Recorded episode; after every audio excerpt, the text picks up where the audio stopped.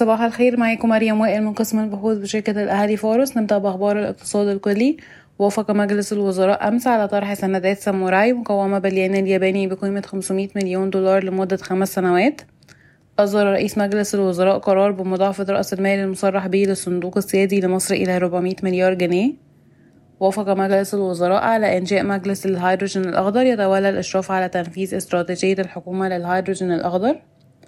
مجلس الوزراء يوافق على إنشاء وحدة بريكس لبحث ملفات التعاون بعد انضمام مصر العام المقبل. حققت أكوا باور الإغلاق المالي لمشروعها للطاقة الشمسية بقدرة 200 جيجا وات في كومومبو أكبر محطة للطاقة الشمسية مملوكة للقطاع الخاص.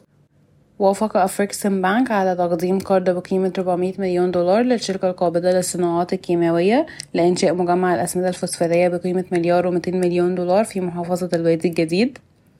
تعيين محمد الصياد نائبا لرئيس هيئة الرقابة المالية. من المقرر أن تكون فيزا وماستر كارد بزيادة الرسوم التي يدفعها تجار التجزئة عند قبول بطاقات الائتمان والخصم والبطاقات المدفوعة مسبقا للعملاء. ننتقل لأخبار القطاعات والشركات. أعلنت شركة أوراسكوم كونستراكشن عن نتائجها المالية للربع الثاني من عام 2023 ارتفع صافي الدخل إلى 62.6 مليون دولار وده زيادة ثلاث أضعاف على أساس سنوي و73% على أساس ربع سنوي مما رفع أرباح النصف الأول من عام 2023 إلى 98.7 مليون دولار ودي زيادة 191% على أساس سنوي على الرغم من النمو الضعيف في الإيرادات وهوامش التشغيل. كان الارتفاع في صافي الربح مدفوعا بتحقيق مكاسب من بيع شركتين تابعتين لمواد البناء غير استراتيجية في مايو ويونيو بقيمة صافية قدرها 92.9 مليون دولار وصافي مكاسب عملات أجنبية قدرها 14 مليون دولار خلال الربع مقارنة بخسائر عملات أجنبية قدرها نص مليون دولار في الربع الثاني من عام 2022 يتم تداول السهم حاليا عند مضاعف ربحية العام 2023 2.1 مرة و EV to EBITDA مرتين.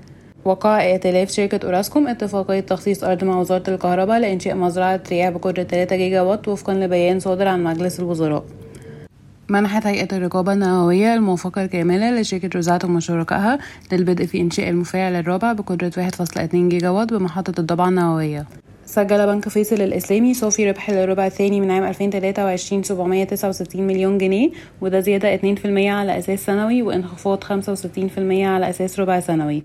ليصل صافي الربح خلال النصف الأول من عام 2023 إلى 2 مليار 988 مليون جنيه وده زيادة 45% على أساس سنوي.